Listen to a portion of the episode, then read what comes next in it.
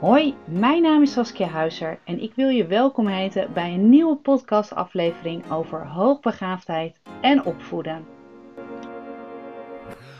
Het is weer vrijdag en dat vind ik altijd leuk, want dan mag ik weer een nieuwe podcast plaatsen. En vandaag is een totaal andere podcast dan mijn eerdere 93 podcast.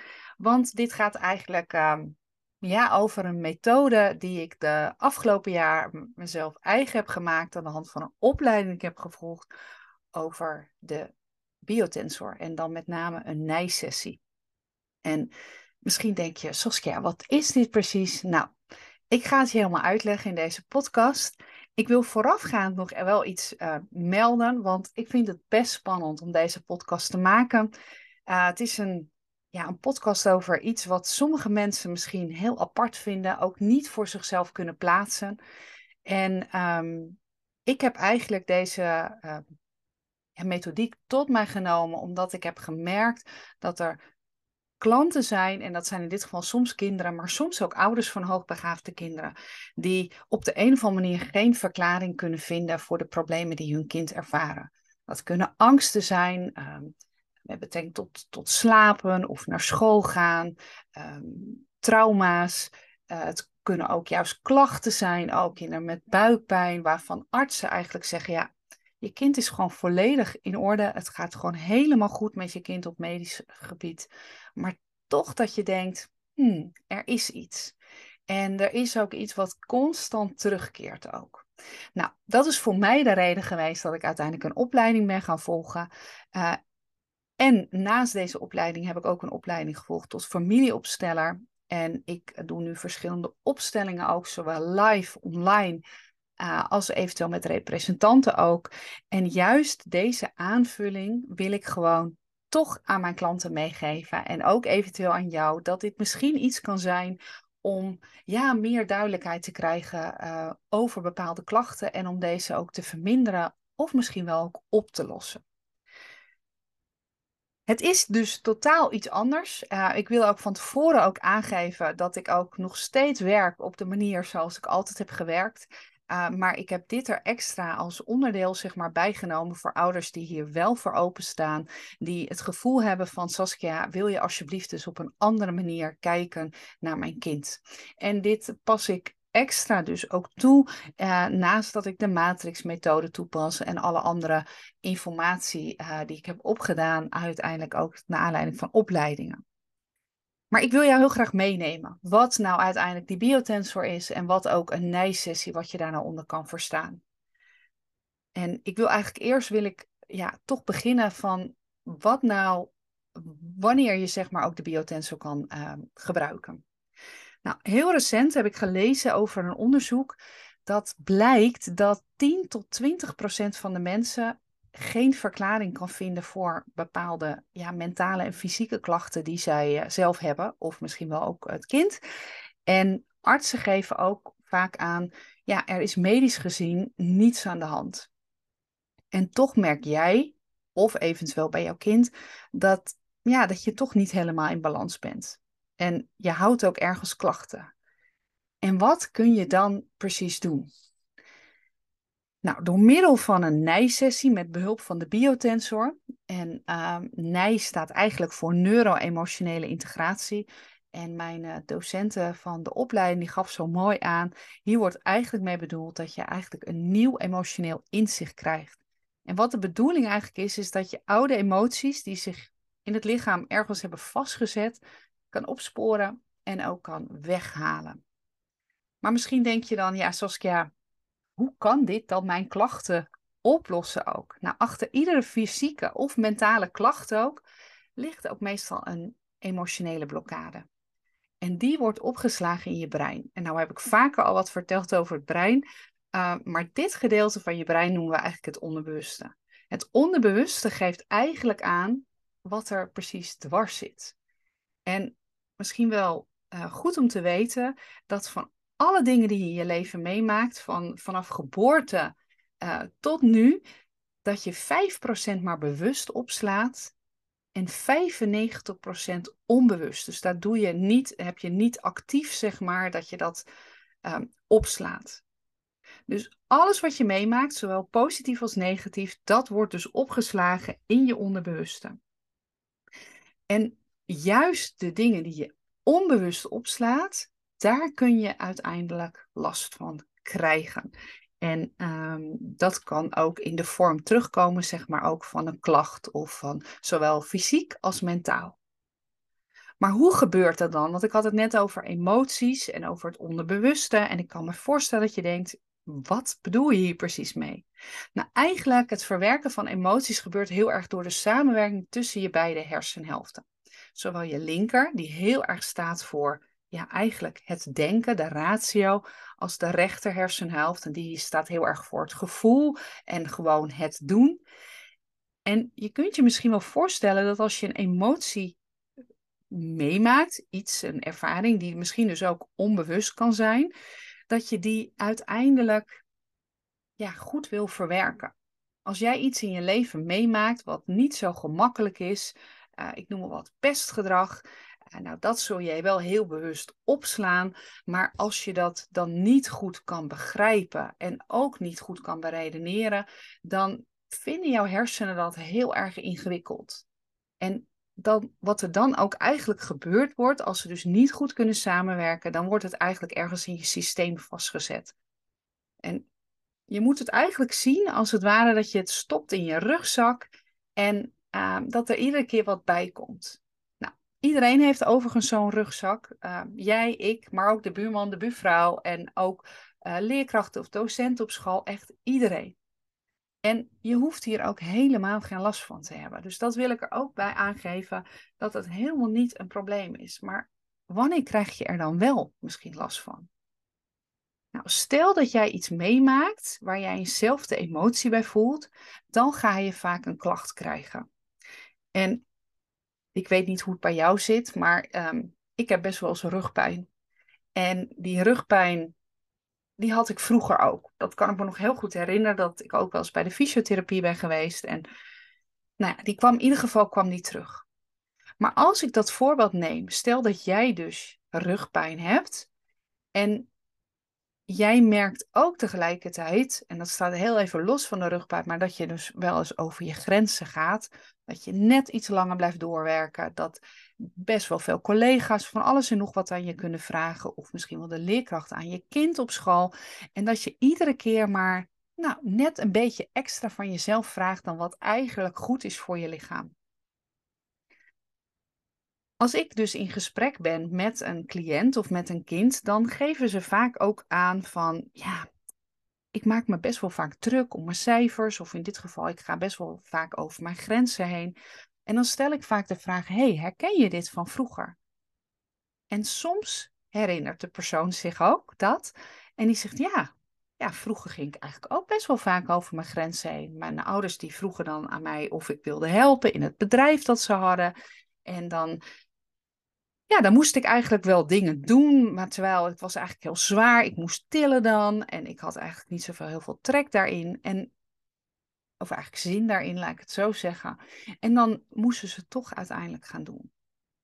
Nou, wat er dan eigenlijk gebeurt, als die persoon dus dit herkent ook, dat je dus ook toen over je grenzen ging, dan gaat als het ware de herinnering doordat het dus van onbewust, omdat je erover praat, uiteindelijk bewust wordt, dan gaat als het ware gaat die rugzak open. En dan herkent het lichaam dat ook. hey, dit is iets wat ik eerder heb gehoord of eerder heb ervaren.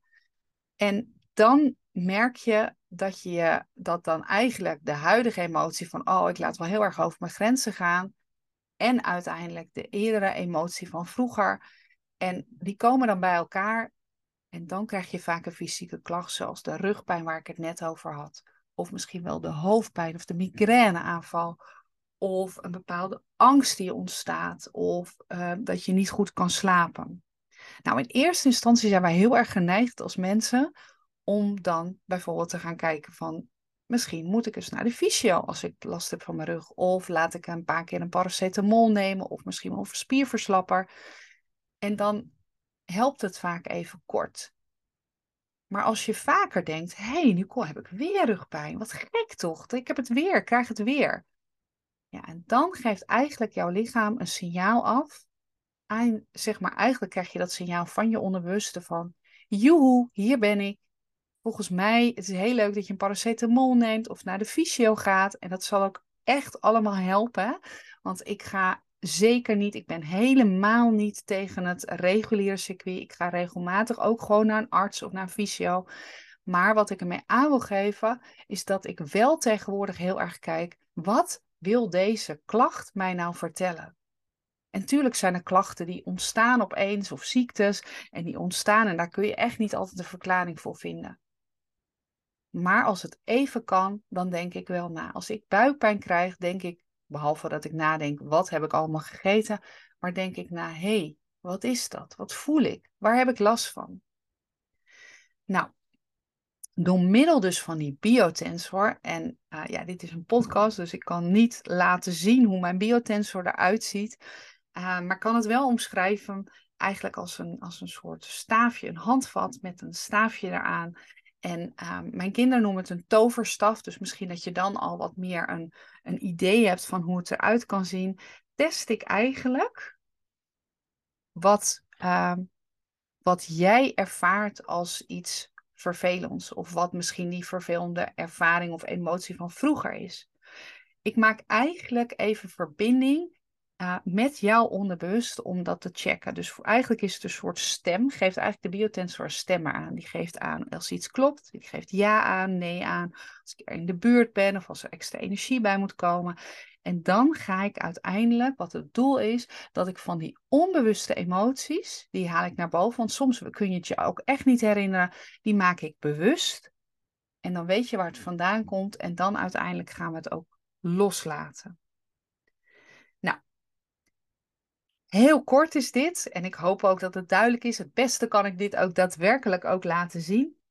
Maar wat die biotensor dus ook uh, is, ja, het geeft het geeft uiteindelijk voor de andere persoon waarmee ik uh, zo'n sessie onderga, geeft het gewoon aan wat, het, uh, ja, wat er precies gebeurt in je lijf. En wat dan heel mooi is, dat je ook tijdens deze sessie, die overigens tussen de 60 en nou zeg 75 minuten duurt, die zowel live als online kan, um, wordt jouw hulpvraag besproken en laat je als het ware iets los. En ik kan mij voorstellen dat dat misschien best bijzonder klinkt. Maar ik heb verschillende mensen nu geholpen. En ook verschillende kinderen, hoogbegaafde kinderen ook met name. En die geven aan daarna, ehm, of ouders herkennen dat ook. Mijn kind heeft veel minder angst. Mijn kind slaapt nu gewoon. Mijn kind is minder boos, is rustiger, is iets minder gevoelig geworden en kan wat meer prikkels ook verwerken. En dat uh, die manieren, zeg maar, dat zorgt er ook voor dat jij op een andere manier naar een klacht kijkt, maar ook op een andere manier het uiteindelijk ook iets loslaat. En nou ja, de ervaringen inderdaad, ik krijg steeds meer reviews ook van, uh, van mensen en de ervaringen zijn uh, heel erg mooi. Als zijnde dat je je klachten kan verminderen. De klachten, soms verdwijnen ze ook helemaal. Ik heb laatst iemand gehad met hooikoorts. Dat is gewoon persoon had heel erg hooikoorts en het is ja, weg nu ook. En ja, daarmee wil ik aangeven dat het reguliere, daar kun je heel ver mee komen. Maar mocht je het echt niet meer weten, kijk dan ook eens naar, zeg maar, op een alternatieve manier. En ik denk dat de biotensor, het kan geen schade. Het kan um, niet iets um, verkeerds doen, zeg maar, in jouw systeem maar dat het wel jou een toevoeging kan zijn. Nou, mocht je denken, naar aanleiding van deze podcast, als ik wil hier heel graag wat meer over weten, uh, dan mag je het mij laten weten. Uh, ik uh, ben op dit moment ben ik een pilot gestart. En als jij denkt, ik wil heel graag meedoen met die pilot, dan mag je voor een gereduceerd tarief, wil ik je dan zo'n sessie aanbieden. Um, en dan gaan we kijken of ik jouw hulp vraag, of ik je daar verder mee kan helpen. Je hoeft trouwens niet, dat wil ik nog even zeggen, stel dat je een vraag hebt voor je kind, dan hoeft het niet zo te zijn dat je kind uiteindelijk ook bijvoorbeeld online aansluit. Kinderen onder de 12 jaar, daar mag jij als ouder zeg maar toestemming voor geven. Ik heb dan een foto nodig en aan de hand van die foto kan ik uiteindelijk bij je kind ook Ehm, kijken van, hé, hey, wat zit er nou? Wat, is, wat, wat gaat er nou, zeg maar, niet goed? En wat kunnen we eventueel dus weghalen en uiteindelijk ook op een andere manier ehm, verbeteren ook, zodat je kind veel minder klachten of misschien wel helemaal geen klachten meer gaat ervaren. En mocht je daarin mee willen nemen, dan zou ik je willen vragen, en ik zal het ook in de show notes zetten onder deze podcast, stuur mij dan een uh, direct mail of dus zeg maar een berichtje via Instagram naar Saskia underscore Huizer. En zet daarbij neer hashtag Pilot Biotensor. En ik zet het ook dus hieronder ook, onder deze podcast ook neer. Dus je kan het ook bekijken. En dan krijg je van mij alle informatie ook over zo'n sessie. Mocht je nog steeds denken, nou Saskia, ik heb echt nog heel veel vragen. Ik vind het ongelooflijk interessant. Ik zou er heel graag meer van willen weten. Uh, maar ja, ik uh, ja, wil nog het een en ander weten. Laat me dan ook weten. Stuur me dan ook even een berichtje. Uh, het liefst ook via Instagram, want daar kijk ik regelmatig op om jou ook net dat stukje verder te helpen. Maar als je andere vragen hebt over andere zaken en zegt Saskia, ik vind dit helemaal niets, dit past niet bij mij, helemaal goed. Ik ga hier niemand mee lastigvallen, maar ik dacht, ik ga hier wel nu een podcast over opnemen, omdat een aantal uh, ouders en kinderen hier zo blij mee zijn en zoveel profijt er ook van hebben en zich zoveel beter voelen, ook met angst en stress rond toetsweken en zoveel rustiger worden en in het gezin dat er minder ruzie wordt ervaren. En ik dacht, ja, heb het heel lang voor me gehouden, maar nu ga ik het toch delen met de wereld, omdat het misschien wel iets voor jou kan zijn. Ik ga deze podcast afsluiten. Ik vind het enorm spannend. En misschien merk je het wel ook aan de manier hoe ik praat. Of dat ik heel veel zeg en zo. Ik vind het heel erg spannend. Um, des te fijner zou ik het uh, ook, of tenminste, ik zou het heel fijn vinden om ook een reactie van jou terug te krijgen. Of je er nou wel mee eens bent of niet. Maar ik vind het voor mezelf fijn. Want voor mij is dit ook iets. Nou, ik ken de hele theorie. Ik heb uh, zeg maar de opleiding ook voltooid. Maar toch ja, ook ik vind dit spannend. En uh, ik doe het voor jou om, het, uh, uh, verder, om je verder te helpen. En vooral ook omdat ik hier enorm in geloof. En ook qua ervaringen. Dus laat me eventueel een reactie voor me achter. Zou ik heel erg fijn vinden. Dankjewel voor het luisteren. En volgende week dan komt er een volgende podcast. Ik heb al een onderwerp, want ik krijg nog steeds heel veel vragen binnen van luisteraars. Mocht jij nog een vraag hebben voor de podcast, stuur hem gerust naar me door. Dan ga ik kijken of ik hem in een volgende podcast kan meenemen. Dankjewel voor het luisteren. En uh, mocht je deze podcast ook op vrijdag luisteren, dan wil ik je alvast een heel fijn weekend toewensen. Tot de volgende keer.